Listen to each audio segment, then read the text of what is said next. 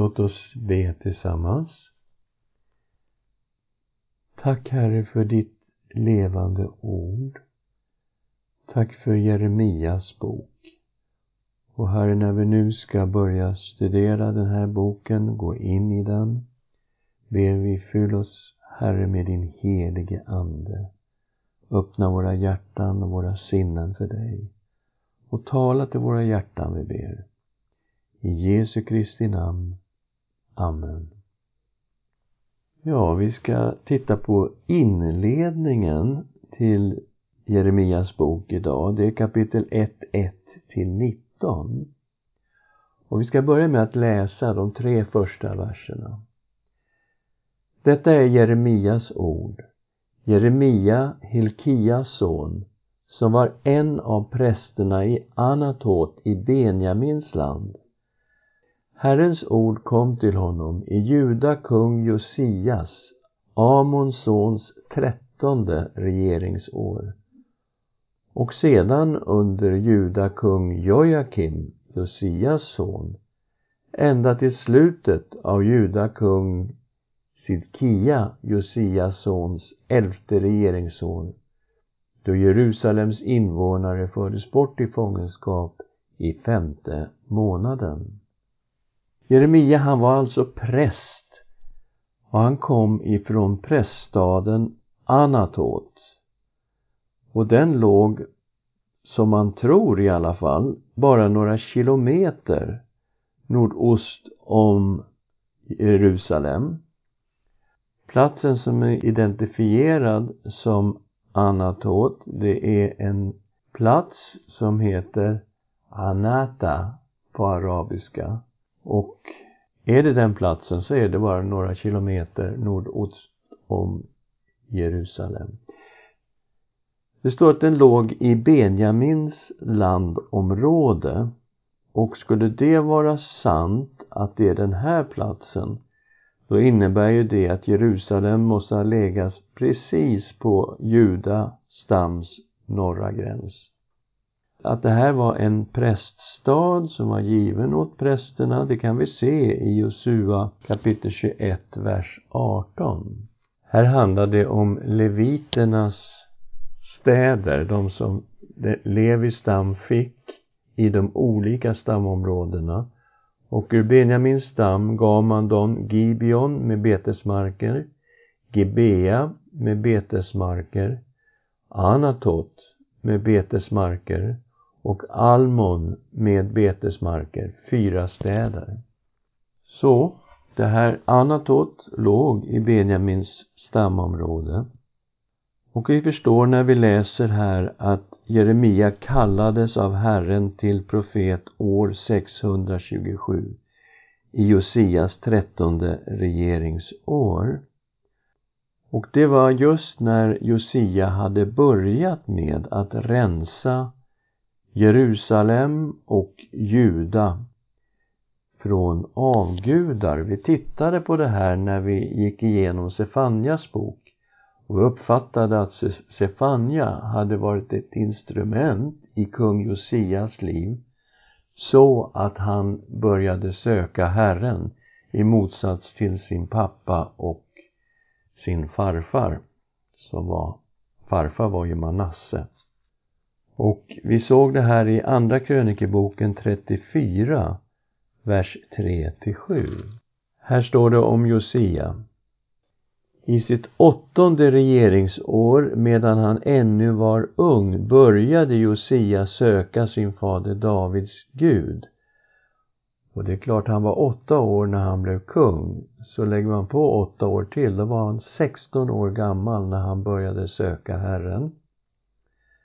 I det tolfte året började han rena Juda och Jerusalem från offerhöjderna och asherapålarna och från de snidade och gjutna avgudabilderna.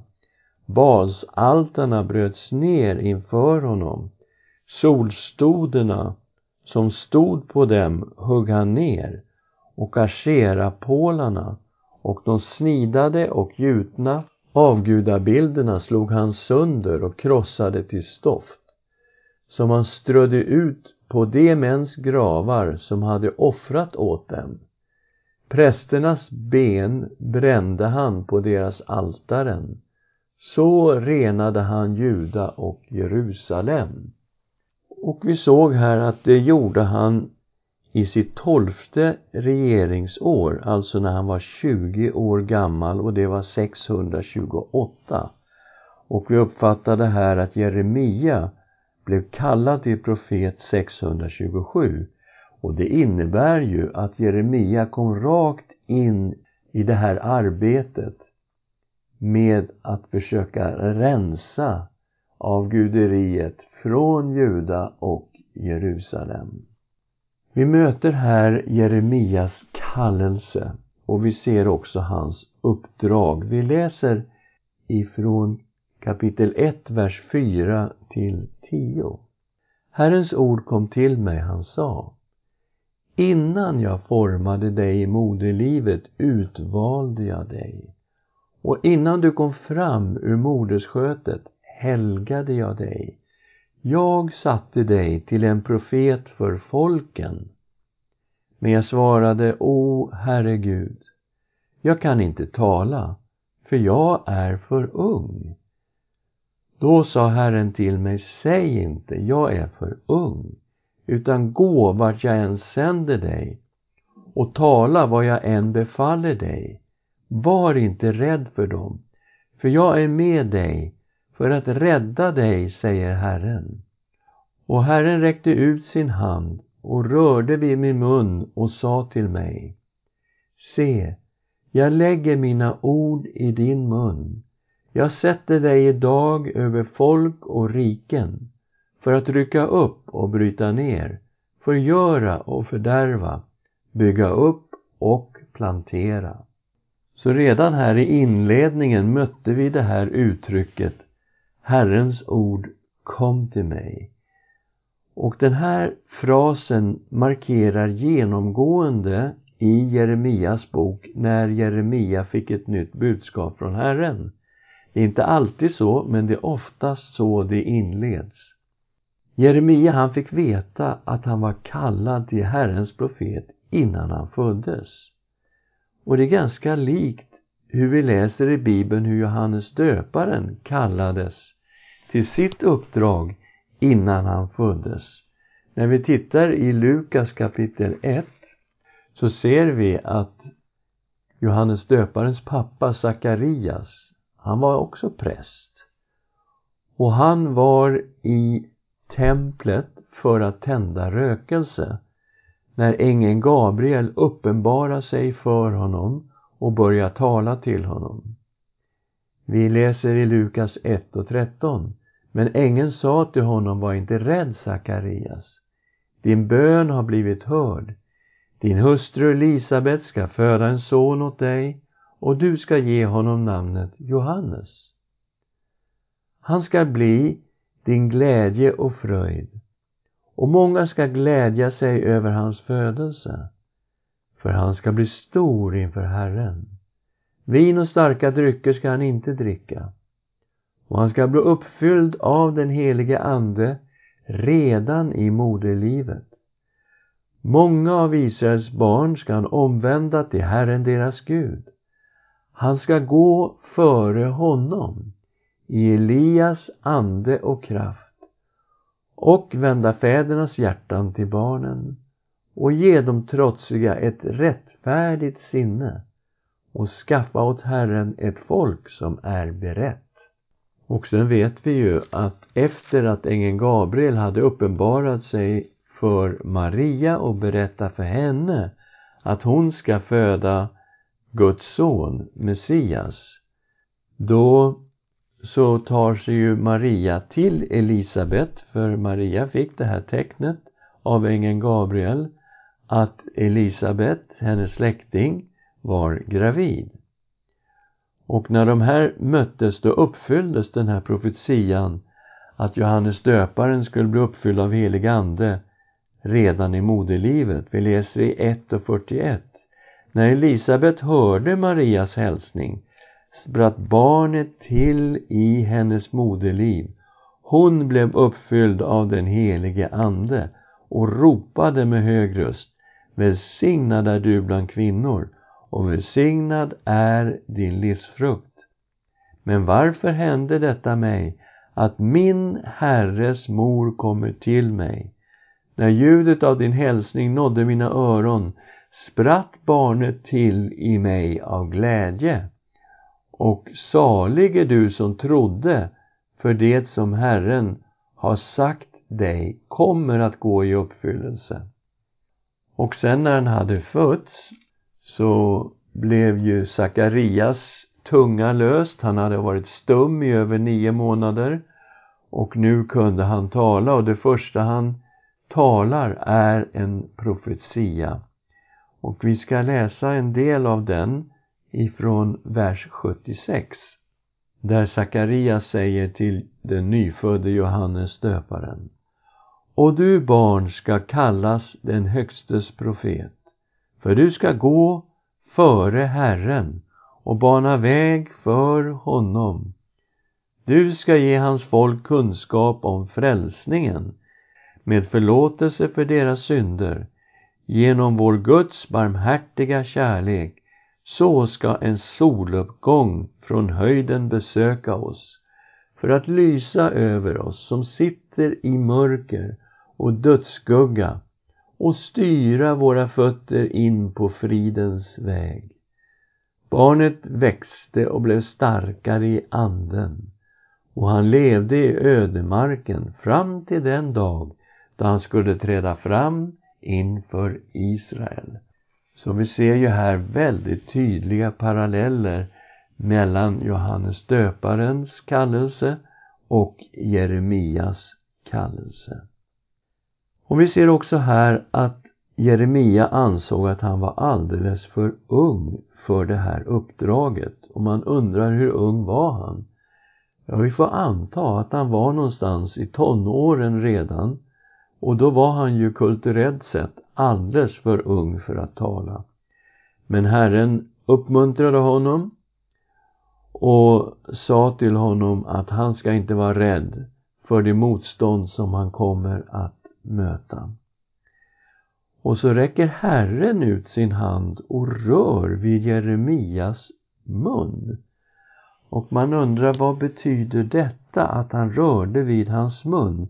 Det är väldigt likt det vi ser i profeten Jesajas kallelse i kapitel 6 av Jesaja, vers 6 och 7. Och vi möter Jesaja i templet där han har sin uppenbarelse. Han befinner sig i det rum i templet som kallas för det heliga. Men förlåten är ju borta och han ser också rakt in i det allra heligaste och han ser verkligheten av det som fanns i det allra heligaste. Det är Herren som sitter på tronen och på arken var det ju två keruber som överskuggade nådastolen men han ser serafer och seraferna som ropar till varandra. Helig, helig, helig är Herren Sebaot. Hela jorden är full av hans härlighet. Och vi kommer till Jesaja 6, 6 och 7. Då flög en av seraferna fram till mig. I hans hand var ett glödande kol som han hade tagit från altaret med en tång.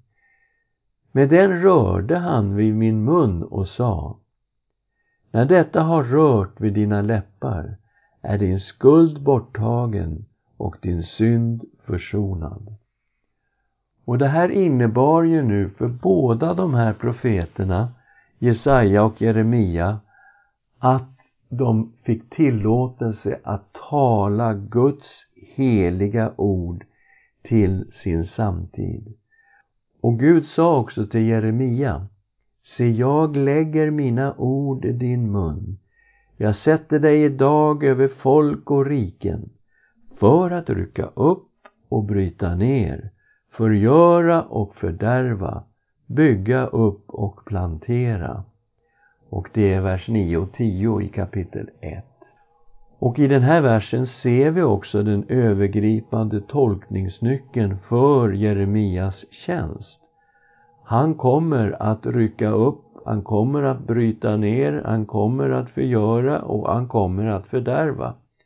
Men så kommer också profetier om att bygga upp och plantera. Och vi fortsätter på detta med Jeremias kallelse.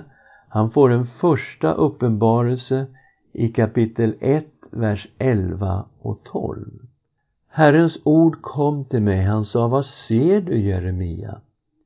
Jag svarade, jag ser en gren av ett mandelträd. Herren sa till mig, du har sett rätt. Jag ska vaka över mitt ord för att uppfylla det. Och när vi bodde i Egypten 1976 till 89 då kunde vi fascinerats av mandelträdens vita blommor fullt av blommor på grenarna och sen ett rött centrum i varje blomma. Så vackra blommor. Och det här är väldigt tidigt på året i den här delen av världen. Eh, redan i januari och februari så blommar mandelträden. Och den här synen skulle vara ett tecken för Jeremia att Gud skulle vaka över sitt ord. Och det innebär att Jeremia skulle inte behöva undra över om profetierna skulle uppfyllas eller inte. Det skulle Gud ta hand om. Så fick han en syn till om en kokande gryta, vers 13 till 16. Herrens ord kom till mig för andra gången. Han sa, vad ser du? Jag svarade, jag ser en kokande gryta i norr som lutar hitåt. Och det innebär ju att detta var mycket hotfullt. Det var någonting som höll på att rinna över norrifrån. Herren sa till mig, från norr ska olyckan välla in över alla som bor i landet. Se, jag ska kalla på alla stammar i rikena norrut, säger Herren. Det ska komma och sätta var och en sin tron vid ingången till Jerusalems portar och vid dess murar runt omkring och vid alla judastäder. Jag ska uttala mina domar mot dem för all deras ondska, därför att de har övergett mig och tänt rökelse åt andra gudar och tillbett sina händers verk. Så här kommer en första profetia om en dom som ska komma över Juda och Jerusalem, ska beröra hela Juda och vi vet längre fram i boken Jerusalem kommer att förstöras i grunden. Och orsaken, ja det var folkets avguderi. Och vi ser här Jeremia är satt som en man mot en hel nation. Vi reser kapitel 1, vers 17 till 19. Fäst upp dina kläder, res dig och tala till dem allt vad jag befaller dig.